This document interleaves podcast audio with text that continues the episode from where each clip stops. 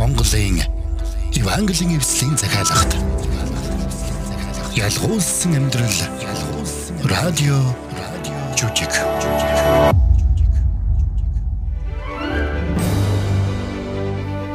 Ялгуулсан амьдрал түүхэн радио жүжиг эхэлж байна. Өнөөдрийнхөө түүхийг бид Библийн Лук номноос сэтгэлэн бүтээлээ. Иерусалим хот руу явах зам зуураа Есүс Самар болон Галилийн хил дагуух нэгэн тосгонд ирдэг. Тэрхүү тосгонд уйман өвчтөе 10 хүн Есүс дээр ирж өршөөл гуйн хашгирчээ. Есүс тэдэнд та нар явж тахилчдад биеэ үзүүл гэж тушаасан байна. Учир нь уйман өвчин нь эдгэрч ирүүл болсноо батлуулахын тулд тухайн үед уйман өвчтөе хүмүүс эхлээд заавал тахилч дээр очиж биеэ шалгуулдаг байсан. Ингээд тэднийг тахилч нар руу явах замзуур Есүс тэдний биеийг бүр мөсөн эдгэлсэн байна. Гэвч гайхамшигтайгаар эдгэрч цоо ирүүл болсон 10 хүнээс ганцхан Самар хүн л Есүс дээр иргэн ирж талархлаа илэрхийлсэн байдаг. Тэр Есүсийн хөлний өмнө сүгдэж гайхамшигтай эдгэрлийнхээ төлөө Бурханд алдрыг өргөсөн. Харин Есүс тэрнийг босгож сайн сайхныг өрөөгд явуулсан юм. Энэ үйл явдлын дараагаар фарисеучуд Есүсээс Бурхны хаанчлал чухам яг хизээ ирэх тухай асуусан байна. Харин Есүс тэдэнд Бурхны хаанчлал бидний нүдэнд үзэгдэх ямар нэгэн газраар хязгаарлагдахгүй гэдгийг хэлдэг. Харин ч Бурхны хаанчлал аль хэдийн тэдний дунд ирчгээд байгааг сануулсан байна. Учир нь Есүс энд энэ дэлхийн хаанчлалын тухай биш, харин сүнслэг хаанчлалын тухай ярьж байсан юм. Ингэснийхээ дараагаар Есүс шавнартаа өөрийгөө маш их зовлон эдэлсэний дараа тэднийг орхих тухайга бас хожим нь эрх мэдэл хүч чадал дотор дахин ирэх тухайга хэлсэн. Харин энэ зуур түүний дахин ирэлтийн тухай олныг хуурж мэхлэх, хуурамч иш үзүүлэгчид хуурдахгүй байхыг анхааруулсан байна. Ингэхдээ тэрээр өөрийнхөө дахин ирэх өдрийг тэнгэр цахилах аянга цахилгаантай зүйрлсэн байдаг. Өөрөөр хэлэх юм бол энэ үйл явдлыг бүгд нүдээр харж ойлгох болно гэсэн үг. Гэвч Нувагийн болон Лотын амьдарч байсан цаг үе шиг маш олон хүн Есүсийг дахин ирэх үед ямар ч бэлтгэлгүй өдөр тутмын амьдралдаа түүртэн байх болно гэдгийг Есүс бас нэмж анхааруулan хэлсэн байна. Ингээд энэхүү бүх үйл явдал хэрхэн яаж өрнөснийг Есүсийн дагалдагч Петр бидэнд өнөөдөр өгүүлж байна.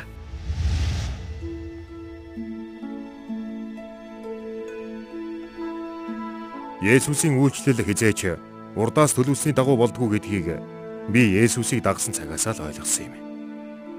Учир нь бидний төлөвлөгөөг байн хэн нэгэн тасалдуулдаг байсан юм. Хэдийгээр үүнд нь би ихэд бухимддаг байсан ч Есүс ямагт бусдыг хайрлан инэрсээр байсан. Заримдаа Есүс олонний хөлөөс дайжин төрч болов амарч залбирдаг байлаа. Гэвч бусад үед нь үе олон хүмүүс ямагт Есүсийг дагдаг байсан.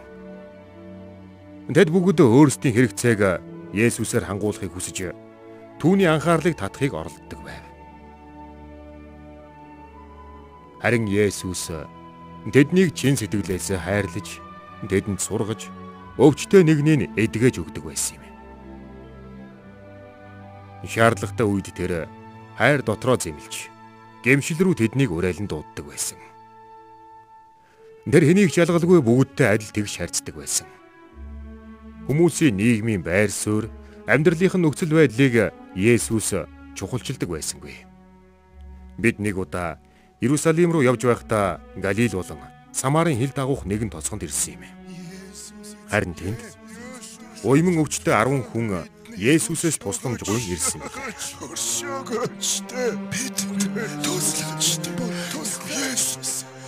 Энэ хүмүүс ёстой өрөвдөлтөй юм аа.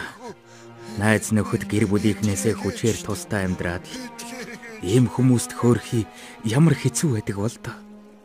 Мэдэхгүй юм да яахан. Ийм юм бодмооргүй байдаг юм. Зарим хүмүүс бол уйман өвчин гэдэг энэ хүмүүсийн өөрсдийнх нь л асуудал. Өөрсдийнх нь үлдсэн гэм нүглийн шийтгэл гэж ярих юм билээ. Харин наадахыг чинь л би яриад байна. Хүнд өвчтөө дээрээ нэмээд хүмүүст ингэж гадуурхагдана гэхээр Хотын гадна аимшигтай хуаранд амьдарч хаа явсан газараа бузардсан, бузардсан гэж хашгирч явна гэдэг ямар хэцүү байдаг бол. Харин тийм ээ. Багш харин яах вэ гэдгийг сайн байна. За, нэг юм болох нь ч боллоо шүү. Хөөе. Тэнд байгаа хүмүүс яв. Өөрсдийгөө тахилч нарт үзүүл. Энд чинь харин хачи хэрэг байна та. Юу гэсэн үг вэ? Угаасаа энэ хүмүүс бидэн рүү ойртох эрхгүй үсттэй. Аа. Би тэрийг хэлээгүй. Холоос бидэн рүү хашгирч ярих нь зүүн хэрэг.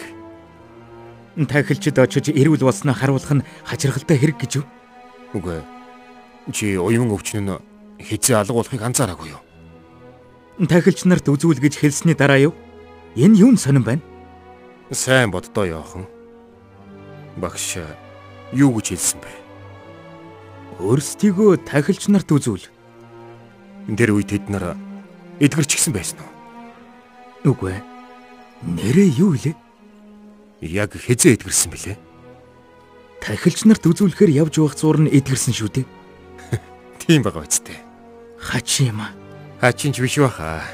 Магадгүй Есүс тэднэрээ итгэлийг шалгасан байх. Тэгээ тэд нар Есүст итгэж тахилч нар руу явах үед эдгэрэл явагдсан байх шүү дээ. Тэгээд л тэднийг явж явах үед нь уйман өвчин нь эдгэрсэн байх нь. Хүй хүй. Тэр нэг самарын хүн зогсчихлоо. Ямар их баярлаж явгааг нь харж байна уу? Гараа шалгаж үзээд байна. Өөр хитөө. Оронд нь байсан бол би ч бас ингэж баярлах байсан байх. Харин ч дуулж үжиглэхгүй байна. Би байсан бол дуулж үжиглээд бөө юм болох байлаа. Чи ч тэгхэл хүнтэй Петр. Тэгэлгүй яах вэ? Айж ичнэ гэж хайрын ч нэг байхгүй дээ. Нөгөө хүн чинь Есүс төр хүрээд ирлээ.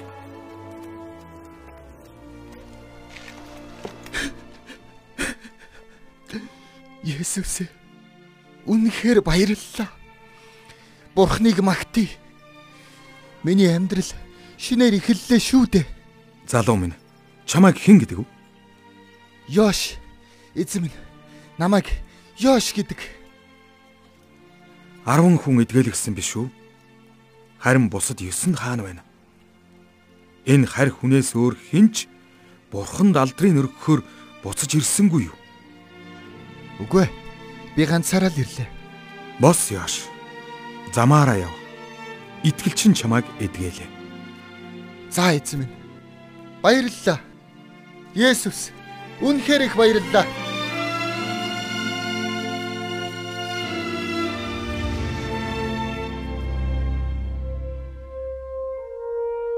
Ялгуулсан амьдрал түүхэн радио жүжиг үргэлжилж байна.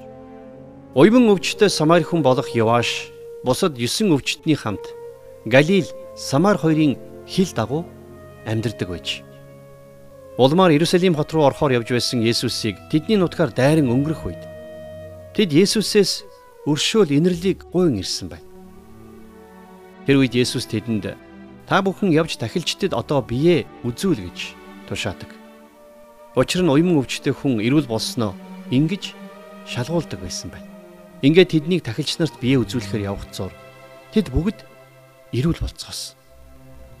Харин эдгэрсэн 10 хүний дундаас ганцхан Яваашл иргэн ирж Есүст талархлаа илэрхийлдэг. Яваашийн итгэл тэрнийг эдгээсэн гэдгийг Есүс тэрэнд хэлж сайн сайхныг хүсэн гэрлүүн явуулжээ. Ингээд энхүү түүхээ үргэлжлүүлэн сонсцгоё.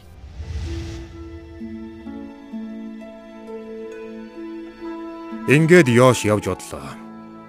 Гэсэн ч бидний замыг дахин өөр хүмүүс хөндөслөө. Гэхдээ энэ удаад фарисеучуд бидэн дээр ирсэн юм.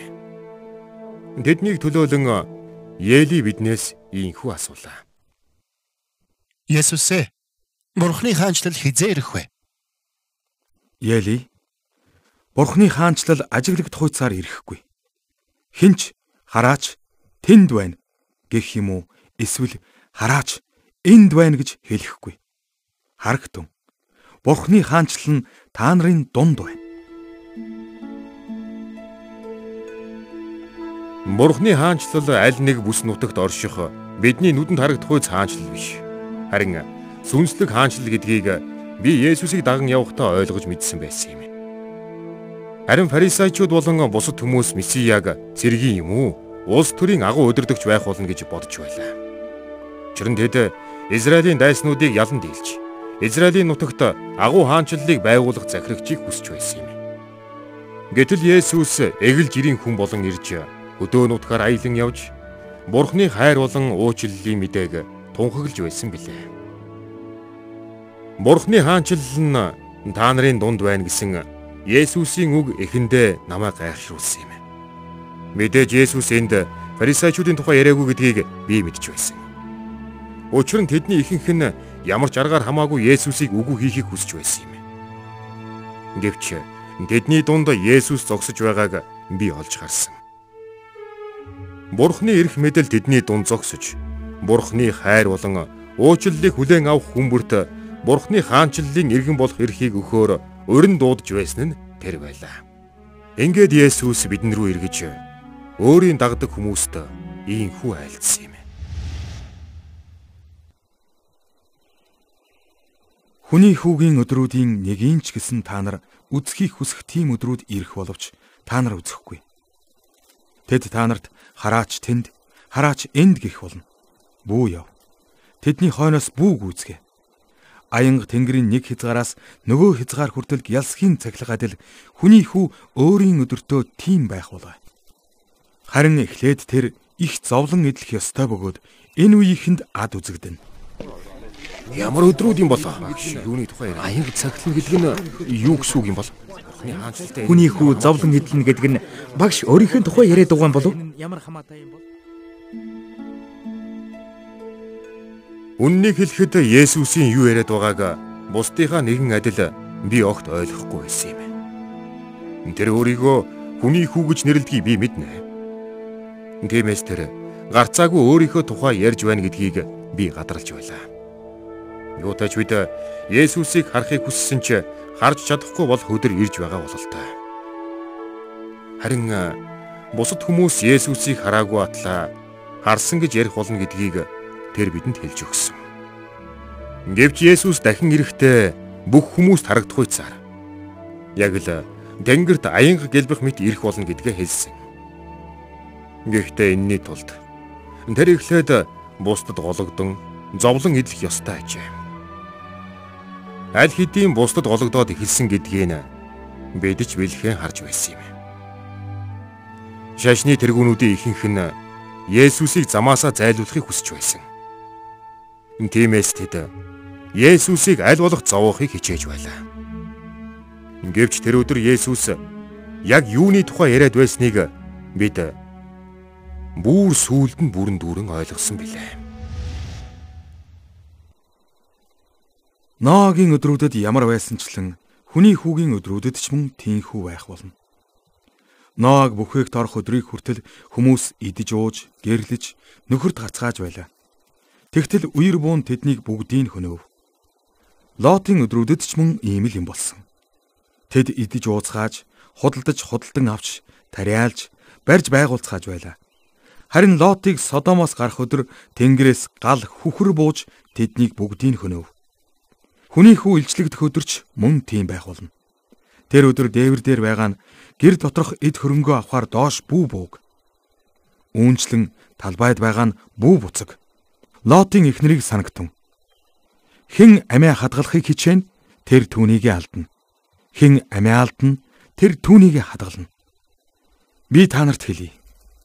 Тэр шүн нэг оронд байх хоёр хүний нэгийг нь авч нөгөөг нь үлдээнэ. Нэг дор буудай тэрэмдэгч хоёр эмэгтэйн нэгийг нь авч нөгөөг нь үлдээнэ. Талбайд байх хоёр эрийн нэгийг нь авч нөгөөг нь үлдээнэ. Эзэн хаан тэрвэ? Сэг хаан байна. Тэнд тас цуглана. Бид цааш аялан явах зуур Йохан бид хоёр саяын болоод өнгөрсөн бүхний талаар ярилцж явлаа. Хүний хүү гэдэг чинь Есүс өөрөө үздэй Петр. Тийм ээ.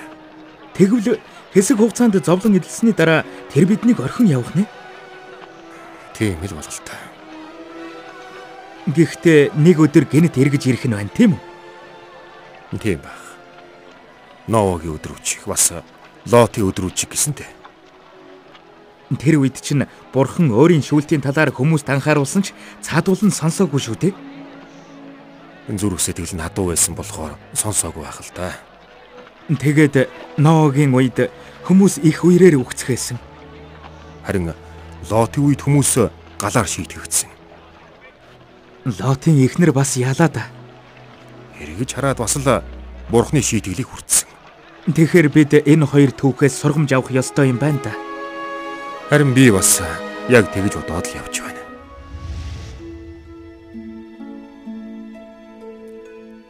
Хэдийгээр хүмүүс энэ мэтээр үргэлж цаад болж байсан ч Есүс үйлчлэлээ үргэлжлүүлсээр байсан юм.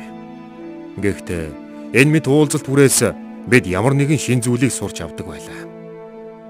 Бидэнтэй таарсан уйман өвчтөе 10 хүн тэр дунд Самар хүн Йошоос бид итгэл болон талархах сэтгэлийн чухлыг олж харсан. Харин Ели болон бусад фарисеучудтай уулзсан Есүсийн уулзалт бидэнд Есүс бол Бурхны хаанчлалын хаан гэдгийг ухааруулсан. Харин итгэл болон талархах сэтгэлээр түүнийг дагаж байгаа бид бүгдээрээ түүний хаанчлалын иргэд ажээ. Тиймээс Есүс бидэнд шүүлтийн өдөр хүний хүүг дахин ирэх тэр өдрийг хүртэл итгэлээр бат зогсож бие биенээ урамшуулан зоригжуулах ёстой гэдгийг сануулсан бизээ.